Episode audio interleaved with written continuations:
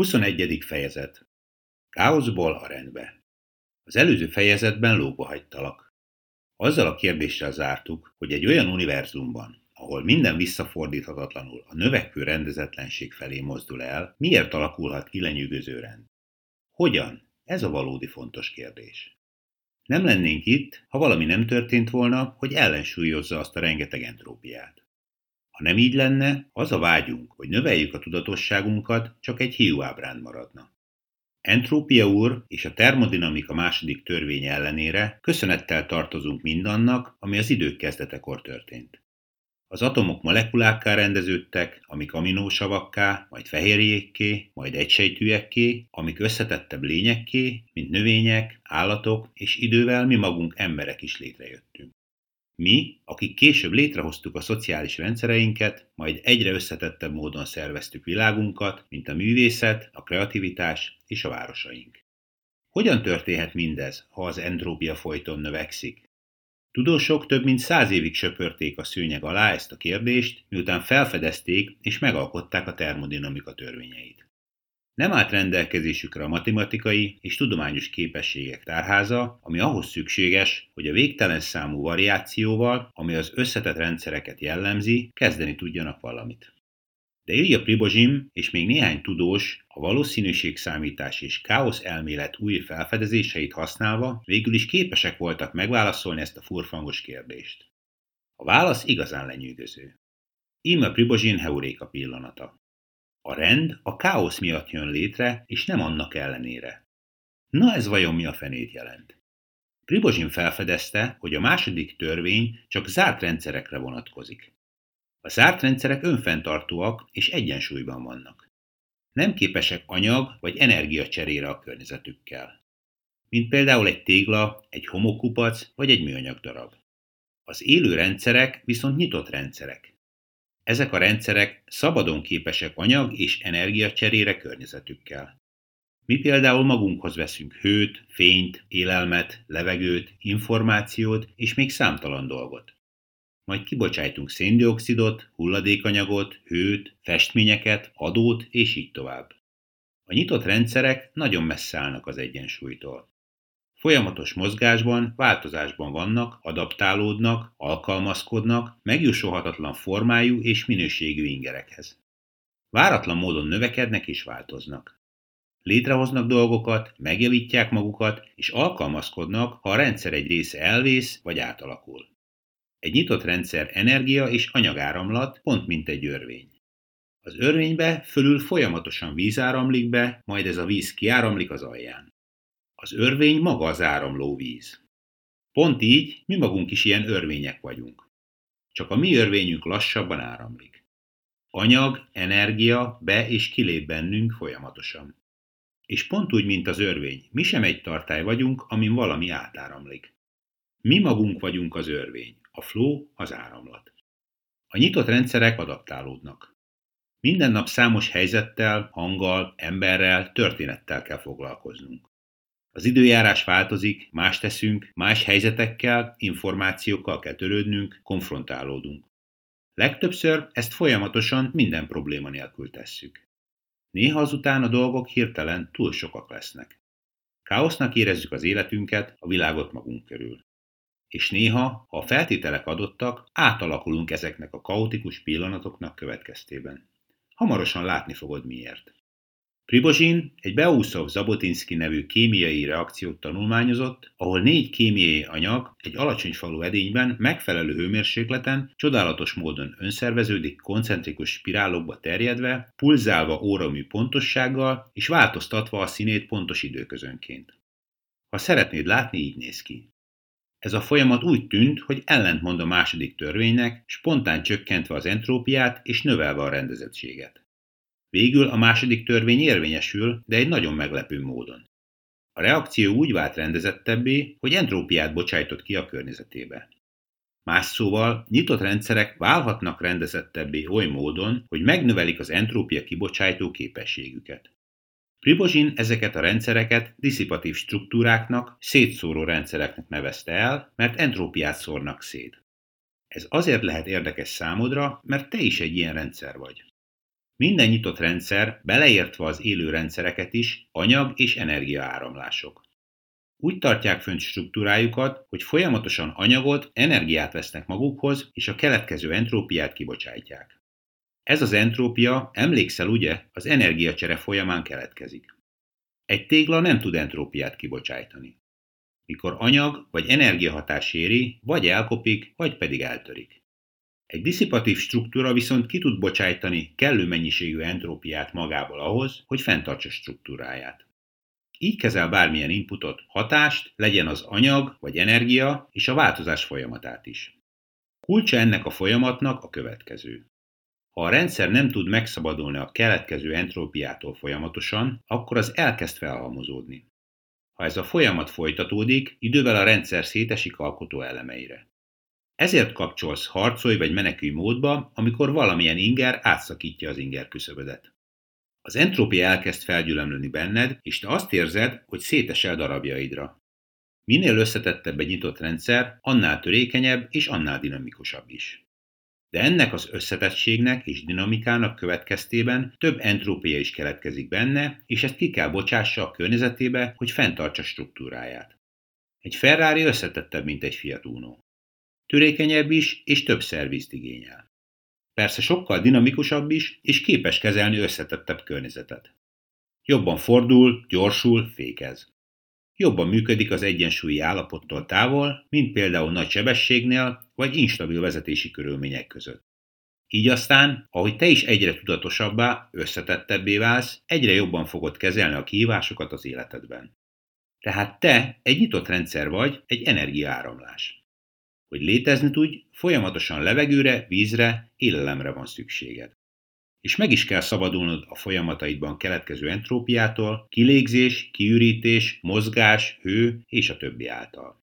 Ha nem teszed, az entrópia felgyülemlik benned, és ugye azt tudjuk milyen érzés. Minden nyitott rendszernek van egy inger küszöbe.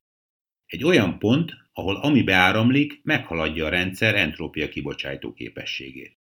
Addig a pontig könnyedén kezeled a változást. Mondjuk a párod nem azt teszi, amit te szeretnél. Elfogy a tojás a hűtőből, lekésed a buszod, elromlik a telefonod, elveszíted a lakáskulcsod, a főnököd leüvölti a fejed, és a többi. Kezeled.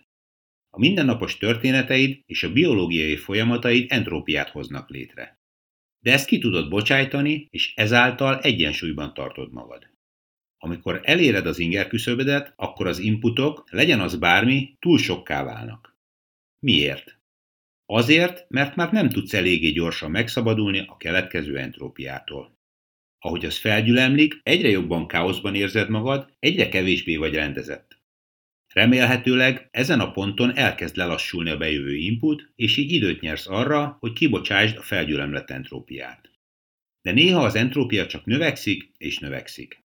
Azt hiszem tudod, miről beszélek. Ha ez így folytatódik, akkor a rendszer, azaz te, egy ponton eléggé instabilá válsz. Talán eljutsz arra a kritikus pontra is, ahol egy további apró változás miatt darabjaidra hullasz.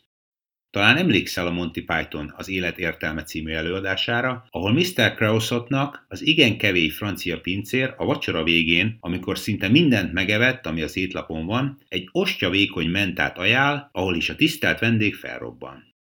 Talán ez nem a legjobb példa, de ha szeretnéd megnézni az undorító jelenetet, itt megteheted.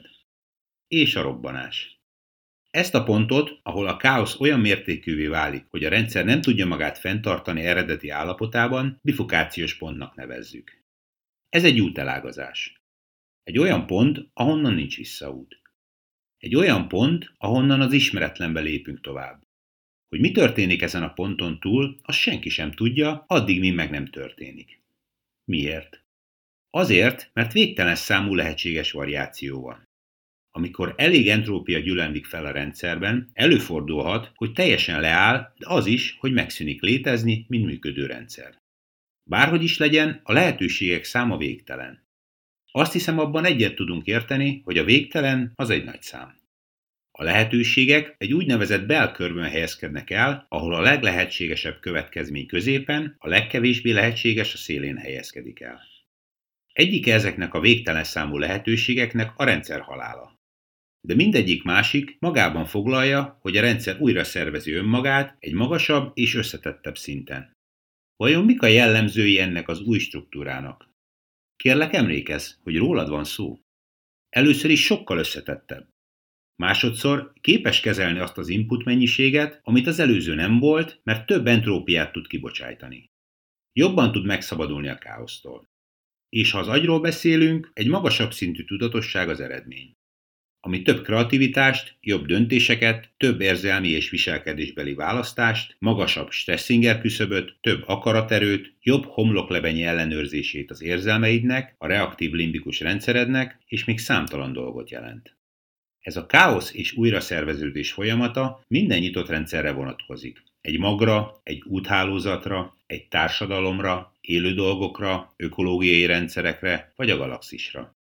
Egy mag maradhat mag, és kezelheti a körülményei változását, a nedvességet, hőmérsékletet, stb. Egy bizonyos pontig.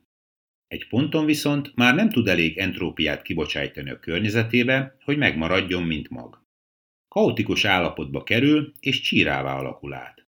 Tested egy sejtje vizet, tápanyagot, hőt és még számtalan dolgot vesz magához, majd kibocsátja a keletkező entrópiát.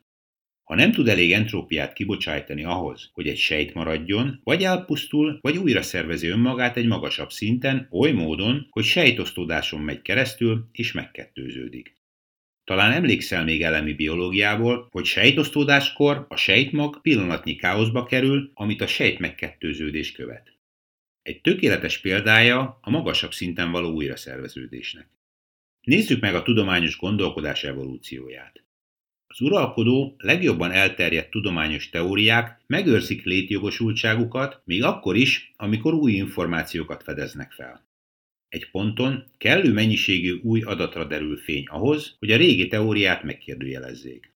Az emberi gondolkodás pillanatnyi káoszba kerül. Nem tudjuk, mit gondoljunk, higgyünk el. Egy ponton viszont az egész újra szerveződik, integrálja az új információkat, és létrejön egy új paradigma. Amikor Galileo és Kopernikus azt állították, hogy a Föld kering a nap körül, ahelyett, hogy a nap keringene körülöttünk, az egyház sokáig harcolt ez ellen az új ötlet ellen. De ahogy egyre több és több bizonyíték került elő, az egyház helyzete a kérdésben egyre bizonytalanabbá vált. Végül elérkezett az a pont, ahol ezzel a témával való gondolatok olyan kaotikussá váltak, hogy a régi módi látásmód megsemmisülve adta át helyét egy új perspektívának, új paradigmának. Ez számtalan alkalommal fordult elő a tudományban, orvoslásban, technológiában, filozófiában és az élet minden területén. Manapság egy új paradigmát tapasztalunk meg az emberi aggyal és annak változásával kapcsolatban. Azzal mi is lehetséges a növekvő emberi tudatosság, leleményes gondolkodás és viselkedés területén. Ez a folyamat veled is megtörténik nap mint nap, újra és újra. Az életed során az, ahogyan látod és kezeled az eseményeket, folyamatosan változik.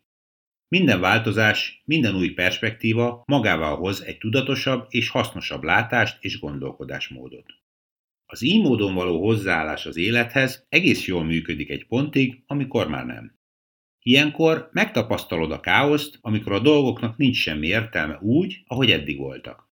Mindaddig, míg egy új gondolkodásmód át nem veszi a régi helyét. Ez történik, amikor tanulunk járni, iskolába megyünk, egyetemre, amikor elkezdjük az önálló életünket, amikor először vesszük észre, hogy öregszünk, és így tovább az élet összes területén. Ez a folyamat gyorsul fel, amikor a holografikus szinkrohangokkal meditálsz. A holoszink stimuláns arra késztet, hogy átlépd az inger küszöböd, ami az entrópia kibocsátó képességet szintje. Felgyülemlik benned az entrópia, és egy ponton az agyad újra szervezi önmagát. Ahogy ez történik, az önképed és az, hogyan kezeled az életed eseményeit is újra szerveződik egy magasabb, összetettebb, jobban működő, tudatosabb szinten. A káoszból kiemelkedik egy teljesen átalakult rendszer. Tudósok ezt a változást ugrásszerű folyamatnak nevezik. Az események nem fokozatosan történnek, hanem ugrások, kvantumugrások sorozatából jönnek létre. Minden ilyen új rendszer magával hoz egy valóban új látásmódot, egy halált és újjászületést a szó legszebb értelmében. Ez az a folyamat, ahogy a sejtek az élelmet energiává, ahogy a közönség a rajongását tapsviharrá, a növények a napfényt növekedésé alakítják.